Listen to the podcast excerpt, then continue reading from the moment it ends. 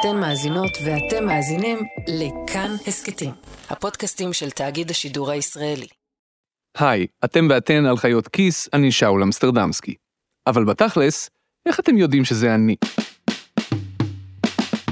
אם, נגיד, הייתי אומר משהו כמו, שלום, אתם על חיות כיס, אני שאול אמסטרדמסקי, זה היה כבר קצת יותר מוזר, נכון? כי אני לא מדבר ככה, וחוץ מזה, אני גם אף פעם לא אומר שלום, אני אומר היי, וזה אולי ניואנס קטן ולא חשוב, אבל אלה הניואנסים הקטנים והלא חשובים שהופכים אותנו למי שאנחנו. אבל זה לא רק מה שאני אומר, זה גם איך. כמו לכל אחד, גם לי יש חיתוך דיבור מסוים. הוא כל כך מסוים וכל כך חוזר על עצמו, שלפעמים, כשאני מאזין לפרקים שהקלטתי, או צופה בסרטונים שצילמתי, בא לי לכבות את זה, כי אני כבר לא מסוגל לשמוע את עצמי יותר. בשלב הזה, חיתוך הדיבור שלי נשמע לי צפוי, שבלוני ומשעמם. אני פשוט לא יודע איך לשנות אותו. זה מי שאני. זה אחי. היי, אתם ואתן על חיות כיס, אני ליאור אמסטרדמסקי. אחי צעיר ממני בארבע שנים והקול שלנו די דומה. פעם, כשלישראלים עוד היו קווים נייחים ואנשים עוד היו מתקשרים אחד לשני הביתה, אז לפעמים אחי היה עונה, הלו? היי, שאול, מה המצב? ומרוב שיש לנו קול דומה, לפחות דרך הטלפון, אנשים היו מתבלבלים. לא, זה, זה אחיו. שנייה, אני, אני אקרא לו. לפעמים גם אימא שלנו הייתה מתבלבלת. אפילו האופן שבו אנחנו צוחקים הוא קצת דומה.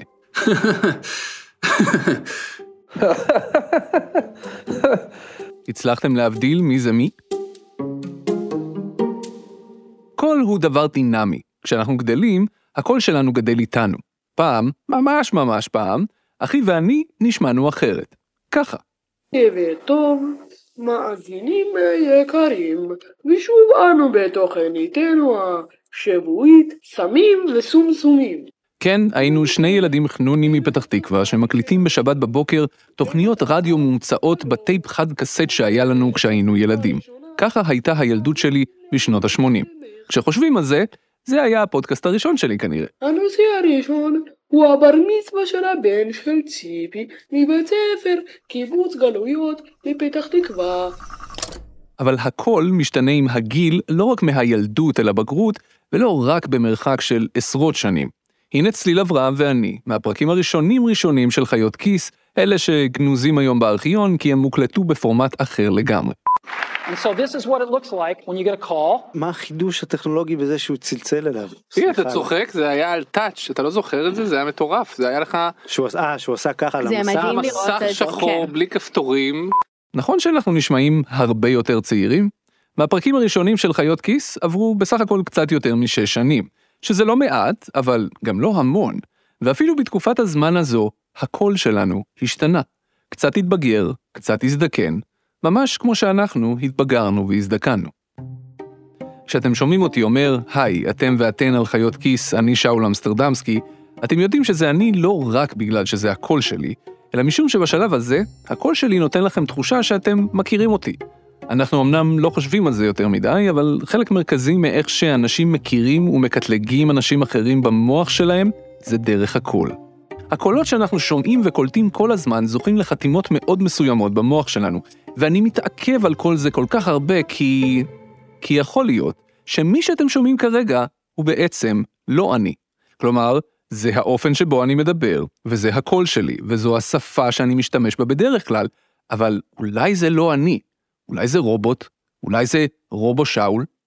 אז התשובה היא שלא, זה לא רובוט, זה באמת אני, ואין לכם שום דרך אחרת לדעת את זה מאשר פשוט להאמין לי שזה באמת אני. אבל, אני עובד על זה. אני עובד על ליצור רובו שאול שידע לקבל טקסט שאני אכתוב לו, ואז לדבר אותו בקולי. ואני מתכוון שהוא יהיה עד כדי כך טוב, שאתם לא תצליחו להבחין בינו לביני. יותר מזה, אני מתכוון שהוא יהיה עד כדי כך טוב, שאני לא אוכל להבדיל בינו לביני. זה הפרויקט הסופר מגניב שהתחלתי לפני יותר מחודשיים עם כמה אנשים מאוד מוכשרים והוא מלהיב אותי מאוד. אנחנו חולמים להגיע למקומות מאוד מתקדמים ומוזרים עם הדבר הזה, וחלקכם אולי אפילו תוכלו לתרום לפרויקט הזה, ליצירה של רובו שאול. וזה אולי נשמע כמו מדע בדיוני, אבל הטכנולוגיה של בינה מלאכותית ולמידת מכונה כאילו יצאה לאור לאחרונה מהמוסך שהתבשלה בו במשך כמה שנים, ופתאום רובו שאול נמצא ממש בהישג יד.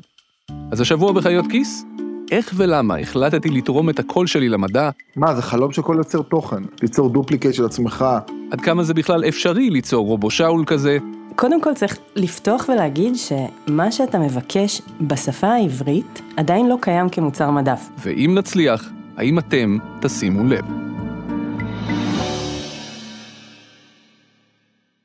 הכל התחיל בצ'אט GPT. בשלב הזה אני די בטוח שאתם יודעים על מה אני מדבר, נכון? רובוט מבוסס בינה מלאכותית שאתם יכולים לכתוב לו כל בקשה טקסטואלית שתרצו, והוא יחולל לכם טקסט מרהיב תוך כמה שניות, באנגלית לפחות.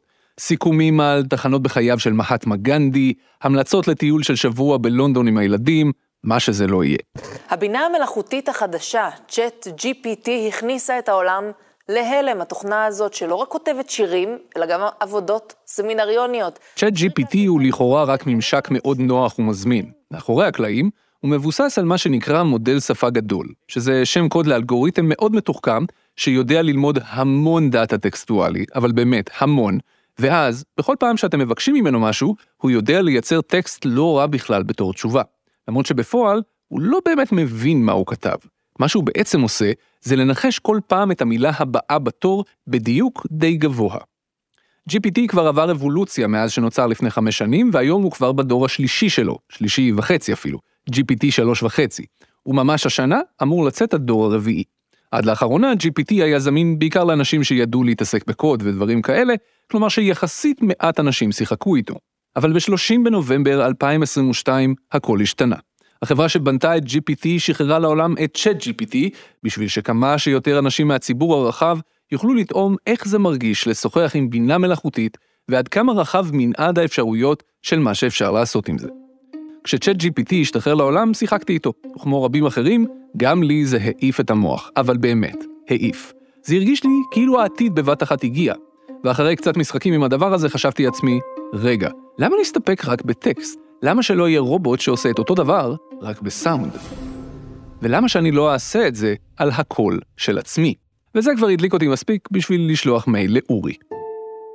אז אה, קוראים לי אורי אליבייב, אה, יש לי שני כובעים. בכובע הראשון שלו, אורי אליבייב מייעץ לחברות בתחום למידת מכונה ובינה מלאכותית. בכובע השני שלו, הוא מנהל את קהילת הפייסבוק הגדולה ביותר בתחום למידת מכונה בישראל. כשהחלטתי שאני רוצה להפוך לרובוט, פניתי אליו וביקשתי שיחבר אותי לאנשים שיודעים לעשות את זה. אז הוא חיבר.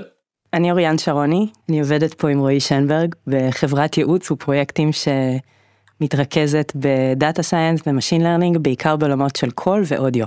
רועי הוא מתכנת, אוריאן מגיעה מעולם חקר המוח. היא עשתה תואר שני במחקר מוח והתעסקה עם מודלים מתמטיים וקבלת החלטות. מה שאומר שבשיחה המשותפת שעשינו כולנו, אני הורדתי את ה-IQ הממוצע. אני מאוד מחבב שיחות כאלה. והשיחה הזו, השיחה שבה היינו אמורים לתכנן איך אני אהפוך לרובוט, נפתחה בבשורות רעות. קודם כל צריך לפתוח ולהגיד שמה שאתה מבקש בשפה העברית עדיין לא קיים כמוצר מדף. כשאוריאן אומרת שאין מוצרי מדף כאלה, היא מתכוונת שאני עדיין לא יכול פשוט להירשם לאיזה אתר אינטרנט או אפליקציה, לתת דוגמת קול קטנה שלי וליצור רובו שאול יש מאין על המקום. באנגלית לעומת זאת, כבר יש כמה אתרים שמציעים דבר דומה. רציתם להראות לי אה, מוצרים שכן קיימים באנגלית? כן. כן. אה, בוא נשלח לך את זה כדי שתפתח אצלך ותשחק אצלך. אוריאן ורועי שלחו לי שני לינקים, אחד לאתר בשם קואה והשני אתר בשם קוקי. באתר הראשון יש דמו נחמד. רואים וידאו של מרק צוקרברג מדבר, ואז רואים את אותו קטע וידאו בדיוק, רק שצוקרברג מדבר פתאום בקולות של אנשים אחרים. וחוץ מזה, אפשר גם לעשות שם דמו עם הקול שלכם. אז מעל הסרטון צוקרברג יש כפתור אה, סגול כזה שרשום עליו online demo. כן. ואם תלחץ עליו זה ייתן לך להקליט את עצמך במיקרופון של המחשב, ואז אה, לשנות את... וואלה, אז, אז שנייה רגע אני אקליט, אני עכשיו רגע מה אני אומר. Hi, my name is שאול and I'm trying to become a robot. Okay, בוא נראה, converting, done. Hi, my name is Shaul and I'm trying to become a robot. עכשיו אם תעשה פליי. נשמע נשמע שזה עבד. זה מצחיק. חוץ משני האתרים האלה, יש עוד המון אתרים דומים, וכל הזמן צצים כל כך הרבה שכבר קשה לי לעקוב. בחלק מהאתרים האלה, אתם יכולים להזין איזה טקסט שבא לכם, ואז לבחור ממגוון של קולות מוכנים מראש, שידברו את הטקסט שכתבתם כאילו זה בן אדם אמיתי דיבר את זה. יש קולות במבטא סקוטי, ובמבטא בריטי, ואמריקאי, ומה שאתם לא רוצים. ויש גם קולות מוכנים מראש של אנשים מפורסמים, מג'ו ביידן עד ג'ו רוגן. ויש את אותו הדבר גם בווידאו, אנחנו באמת חיים בעולם אמיץ חדש. וגם החברות הגדולות נכנסות לזה. בתחילת ינואר, חברת אפל השיקה קטלוג של ספרי שמע, audiobooks, שמוקראים על ידי בינה מלאכותית, ולא על ידי קריינים אנושיים. יותר מזה, הנה שיר של אימי ויינהאוס, שמעולם לא שמעתם קודם.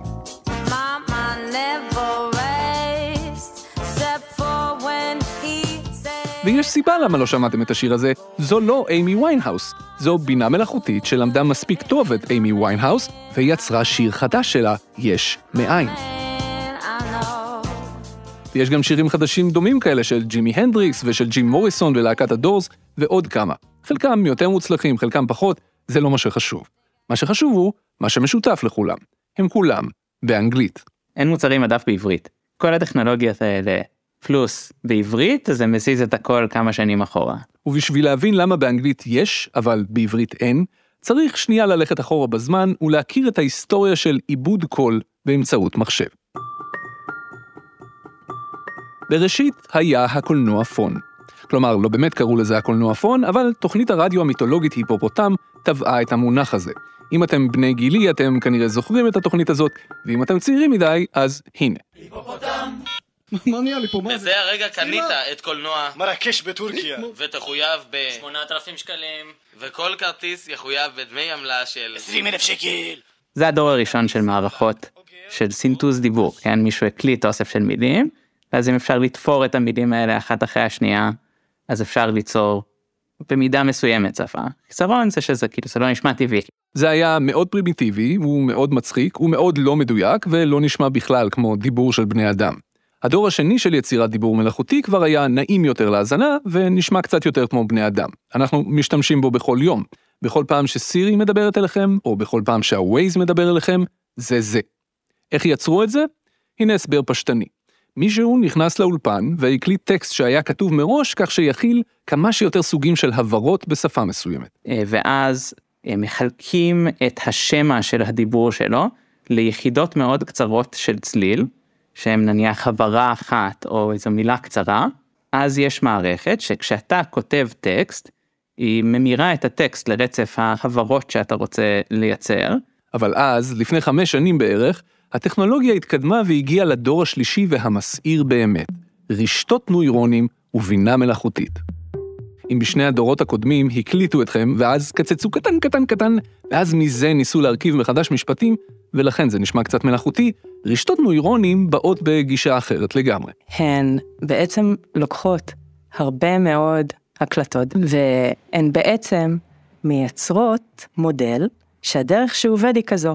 אם אתם לא נוהגים כרגע, אז עצמו בבקשה את העיניים, והקשיבו לאוריין מתארת משהו שנשמע כמו מדע בדיוני, רק שהוא כבר קורה במציאות. נגיד ואני אקח את המשפט שאתה אומר המון, שלום אתם על חיות כיס. המשפט הזה, אני אכתוב אותו בתור טקסט, ואבקש מאלגוריתם לנסות לייצר אותו בתור אודיו. האלגוריתם בהתחלה בעצם לא ידע שום דבר, אז הוא יפלוט רעש, משהו שיישמע לנו באוזן כמו רעש לבן. את הרעש הלבן הזה, אנחנו נשווה, או בעצם האלגוריתם משווה, לאיך שאתה נשמע כשאתה אומר שלום אתם על חיות כיס, ובעצם יש מנגנון ש... יכול להשתפר וללמוד שהוא צריך להישמע יותר כמו הקול שלך כשאתה מדבר. הדבר הזה קורה בהדרגה. זה טיפה כמו לזקק את ה-DNA של הקול שלי, ואז לייצר אותו מחדש סינתטי באמצעות מחשב. המחזוריות הזו שבה בעצם יהיה אלגוריתם שינסה לייצר את הקול שלך מדבר, לעומת איך שהקול המדבר האמיתי שלך נשמע, תקרה מאות אלפי פעמים, עד שבסוף יהיה אלגוריתם שמצליח להישמע כמוך, והדרך שבה הוא נשמע כמוך, זה שהוא ישמור איזשהו ייצוג מספרי שמכיל בצורה מאוד מאוד טובה את החלקים שחשובים לאוזן האנושית שלנו, בעצם כשאנחנו מקשיבים לך ויודעים שזה אתה. ברגע שהגענו לדור השלישי של טכנולוגיות סינטוז קול, פתאום נפתחו אפשרויות חדשות לגמרי. פתאום לא חייבים להקליט אתכם המון המון המון בשביל לבנות את הקול שלכם מחדש. פתאום אפשר לייצר מערכות שלוקחות דגימות קול קצרות שלכם, 10 או 30 שניות, כמו באתרים האלה שסיפרתי לכם קודם, וזה כבר יספיק בשביל לייצר דיבור לא רע שלכם. איך זה עובד? מה שקורה במערכות שדורשות רק 10 שניות או 30 שניות של קול, זה שהן בעצם מאחורי הקלעים אומנו על מאות שעות של קולות אחרים. ומה שהן בעצם יודעות לעשות זה לשנות את היצירה של דיבור ככה שהיא תכיל את המאפיינים הממש ספציפיים שהופכים את הקול לקול שלך. כי יש משהו נורא אוניברסלי בקול. מה שהופך קול לאישי, אלו דברים נורא נורא קטנים. ואותם אפשר להוציא מ-30 שניות של דיבור. אז למה זה קיים רק באנגלית, אבל בעברית עדיין לא? יש לזה כמה סיבות. קודם כל, עברית באמת קשה שפה, לא רק לאנשים, גם למחשבים. באנגלית כל התנועות כתובות, בעברית זה לא נכון. גם למכונות זה קשה יותר, טקסט יותר דחוס.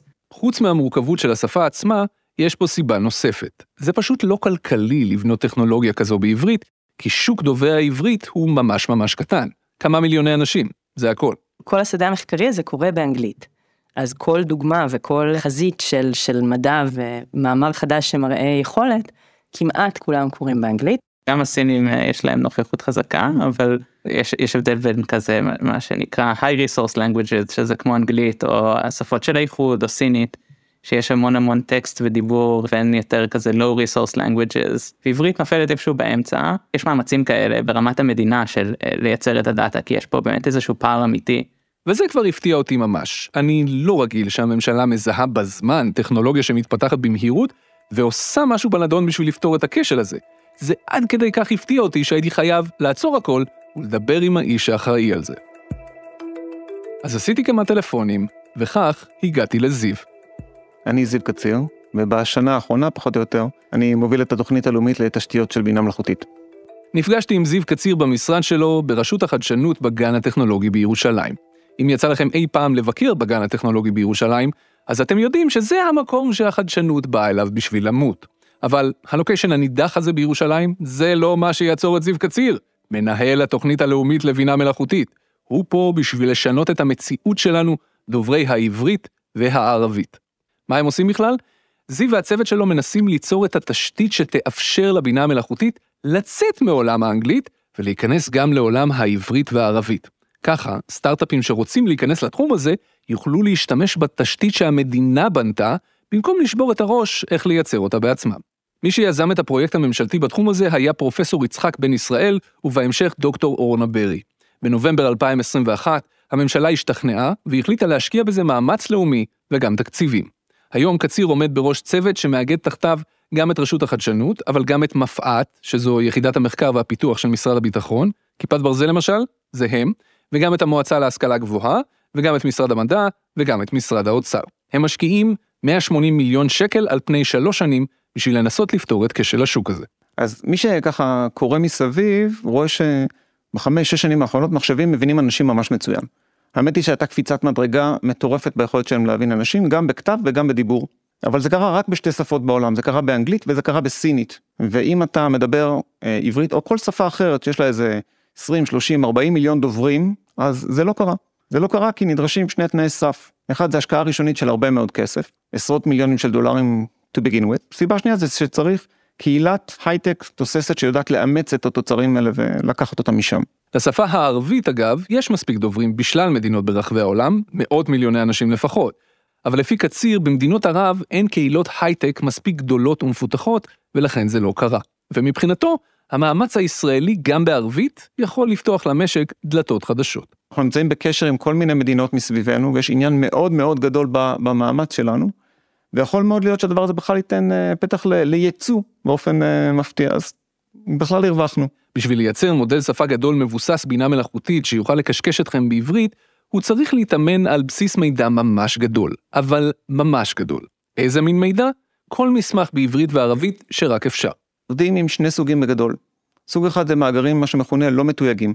פשוט ערימות אינסופיות של טקסט, מיליארדים על מיליארדים על מיליארד של מסמכים, בכל סגנון, בכל אופן, בכל נושא, החל מרשתות חברתיות ודרך מאמרים אקדמיים ועיתונות וכל מה שעובר שביניהם. ובשלב הזה המאגרים האלה משמשים לזה שבונים את אותו המודל. הסוג השני של מאגרים זה מאגרים שהם נושאיים.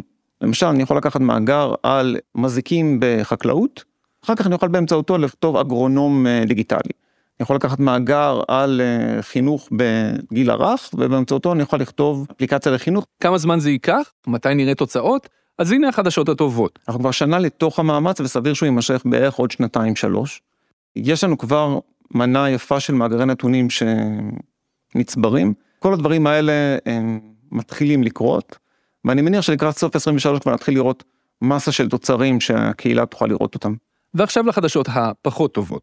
אם ממש לאחרונה יצא צ'אט GPT שעובד טוב בעיקר באנגלית, ובשנה הקרובה צפוי לצאת כבר הדור הרביעי של GPT, מתי אנחנו נראה את זה שלנו בעברית? באיזה איחור אנחנו אחרי העולם דובר האנגלית? חמש שנים פחות או יותר. וזה כבר מדכדך משהו, אני מודה. אבל אנחנו לא פה בשביל להיכנס לדיכאון, אנחנו פה בשביל לשנות את העולם. אז הנה, גם אני מצטרף למאמץ הממשלתי. קדימה, בואו ננצח את השעון, בואו נצטרף לעולם הנאור, בואו ניצור את הרובו שאול. אוקיי, אז אני מוכן לתרום את אה, גופי למדע, או את קולי למדע, כי אני מאוד מאוד רוצה להפוך להיות אה, רובוט. אני מאוד, בשאיפה שלי, זה שאני אכנס לצ'אט GPT, אני אזין לו איזשהו פרומפט, הוא יכתוב טקסט, אני אקח את הטקסט שהוא כתב, אני אמיר אותו לעברית דרך Google Translate, אני אזין אותו לרובוט שיודע לדבר בקול שלי, ואז הרובוט הזה יגיד, היי, אתם על חיות כיס, בלה בלה בלה בלה, וכל הדבר הזה יהיה רובוט, לחלוטין לחלוטין רובוט, לא אני. אפשר להתעכב רגע על העניין הזה? למה אתה רוצה לעשות את זה? עכשיו, זו שאלה ממש טובה. התשובה הראשונית שלי הייתה פשוט, כי זה מגניב. אבל זו תשובה דבילית, אני מודה. אז אחרי השיחה שלנו, חשבתי על זה עוד הרבה מאוד, והנה תשובה קצת פחות דבילית. קודם כל, אני לגמרי רואה את עצמי משתמש ברובו שאול בשביל ליצור עוד תוכן. הקלטה היא בסוף פעולה שלוקחת הרבה מאוד זמן. להקליט פרק של חיות כיס זה אומר לשריין אולפן וגם טכנאי סאונד, וההקלטה עצמה יכולה לקחת שעה שלמה, כי בדרך אני אעשה טעויות ואני על אבסס, שזה אומר שחלק מהמילים לא יצאו לי טוב, כמו ככה, אז צריך להקליט מחדש. ואחרי זה הפרק ילך לעריכה, ותומר, העורך שלנו, אולי יקצר את זה קצת, ואז אולי אני אצטרך לעשות השלמות, אבל אני בדיוק אהיה בנסיעה, וזה יעכב את כל הפרק. במקום כל כאב הראש הזה, אפשר יהיה פשוט לכתוב טקסט, להזין לרובו שאול, והופ, הנה פרק של חיות כיס על המקום, בלי כל כאב הראש הזה. זה הרבה יותר יעיל, ויאפשר לי לייצר הרבה יותר תוכן. אבל זה רק השימוש המיידי. רובו שאול יוכל להיות גם פלטפורמה, כלומר, אחרי שהוא יהיה מוכן, אפשר יהיה לבנות עליו מערכת שיכולה לקחת את דגימת הקול שלכם, דגימה קצרה של דקה או פחות, ולהכין רובוט מדבר שלכם, או של כל אחד אחר, אבל בעברית. ואז, למשל, ליצור על בסיס זה אפליקציות אחרות. נגיד, אפליקציות שעוזרות לילדים לעשות שיעורי בית עם ליווי קולי, או כאלה שעוזרות לאנשים לבשל מתכונים יותר טוב כשהם מתקשים להבין מה ההנחיות אומרות. או שיהיה רובוט שיוכל להתקשר בקול שלכם למוקד המעצבן הזה של מס הכנסה, ולעשות במקומכם סידורים. מגניב, לא? וגם כלכלי. מישהו פשוט צריך להתחיל את זה. אבל אוריאן המשיכה להקשות עליי. כשיהיה לך את זה תשתמש בזה איכשהו? כן, הוא יוכל להתקשר לאימא שלי ולדבר איתה. ואם אחרים ישתמשו בו? בקול שלי? מה אם אני אעשה שלום אתם על חיות כיס, ואעשה את uh, חיות ביס? לא יודעת מה, אה, אה, ביקורת הפלאפל של שאול אמסטרדמסקי הבוט. זה יהיה עולם אמיץ חדש ואני צריך לחשוב עליו לעומק אם אני אוהב את העולם הזה או לא, אבל אני לגמרי בעניין, כן? אולי אני אתחרט על זה, אני לא יודע. מה אם אני אעשה אה, פילטר באינסטגרם או בטיק טוק שמאפשר לכל מי שרוצה להגיד משפט ושהוא יישמע כאילו אתה אומר אותו ואז זרים יתחילו להתקשר לאימא שלך ואף פעם לא תדע אם זה באמת אתה ותצטרכו ליצור ביניכם איזה מנגנון סיסמה כזה של מתי זה באמת. by all means אם אנשים אחרים רוצים להתקשר לאימא שלי לדבר איתה במקומי אז בכלל. מה הם יתקשרו במקומך לבנק? כן אני מבין לאן את הולכת אני לגמרי בעניין. זה זה זה רק מסקרן אותי יותר כל מה שאת אומרת. כן. עכשיו בינינו כשאוריאן לא שומעת אני מודה שקצת ניסיתי לשחק אותה קול בזמן שעשתה לי את החקירה הצולבת הזאת אבל האמת היא שהשאלות שלה גרמו לי להבין שבאמת יש פה המון זוויות שלא חשבתי עליהן בכלל. באותו האופן, כך אני מניח, שגם האנשים שמפתחים את טכנולוגיית הבינה המלאכותית לא עוצרים לחשוב על כל השאלות שמתעוררות מהטכנולוגיה שלהם, או שהם אומרים לעצמם, טוב, אולי כן לחשוב על זה, אבל נעשה את זה אחר כך, כי הטכנולוגיה עצמה רצה ממש ממש מהר, ואין לנו כרגע זמן לעצור למחשבות. אבל בינתיים, בואו נעשה רובוט. אז איך עושים אותו? מה הצעד הראשון? הדרך כנראה הכי מהירה להגיע לשם תהיה לייצר אתר שיש בו דאטה סט ממש ממש טוב של הקול שלך ותמלול של מה אתה אומר, כדי שאפשר יהיה לאמן רשת אה, שנשמעת כמוך. כאילו אני... סיפרתי לאוריאן ולרועי ולאורי שיש לי בדיוק את הדאטה הזה שהם צריכים. יש לי המון קובצי קריינות לפרקים קודמים של חיות כיס. שמרתי את רובם הגדול והם אפילו מסודרים אצלי יפה יפה בתיקיות על המחשב. לכולם גם יש תמלול מקביל, כי הטקסט שקריינתי הוא טקסט כתוב, כי כל הפרקים של חיות כיס כתובים עד רמת המילה, גם הקרדיטים שאנחנו אומרים בסיום כל פרק, גם המשפט הזה שאמרתי עכשיו. אז זה אומר שיש לך תמלולים ישנים של אינסרטים שלך?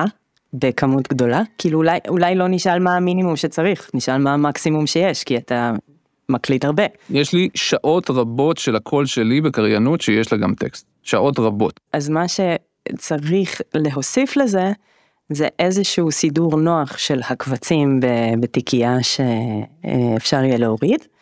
ותזמון ברמת, לא ברמת איפה כל מילה יושבת, אבל כן אה, מתי כל משפט מתחיל, או חיתוך ברמת משפט, כן. כאילו. כאילו ברמת העצירה, ויכול להיות שיש לך רצף דיבור של יותר ממשפט אחד, אבל בסוף זה phrase אחד, לא יודע איך, מה המילה המתאימה בדיוק ל, ל, לעברית. חלוקה לרצפי דיבור והטקסט בתוך כל הרצף. גם זה אולי אנחנו יכולים לעשות מכנית, אבל שוב הדברים האלה בעברית הם יותר אה, סיזיפיים מאשר באנגלית, כאילו באנגלית אם יש לך תמלול של קטע ארוך ואת האודיו אז לעשות את החלוקה לאיפה אומרים מה זה סביר בעברית גם לזה זה לא פתור באותה רמה. אוקיי okay, אז קיבלתי שיעורי בית. אני צריך לפתוח את הארכיון האישי שלי של הקלטות חומרים לפרקים של חיות כיס, להוציא משם את כל קובצי הקריינות שלי, לוודא שלכל אחד מהם יש תמלול עם טיים קודים ברמת המשפט, ולהעלות את הכל לתיקייה בדרייב. זה לא יהיה פשוט, בעיקר החלק של תזמון התמלולים, אבל יאללה, קטן עליי. אני מוכן לעבוד בשביל הרובוט הזה. אבל אז אוריאן החליטה להקשות עליי עוד קצת. ההקלטות שיש לך, הקול שלך הוא שייך לך, אבל חיות כיס, הזכויות, של מי זה? האם אפשר להשתמש בזה? של תאגיד השידור הישראלי, אינן שלי. ותאגיד השידור מוכן לשים באינטרנט את הדאטה סט הזה?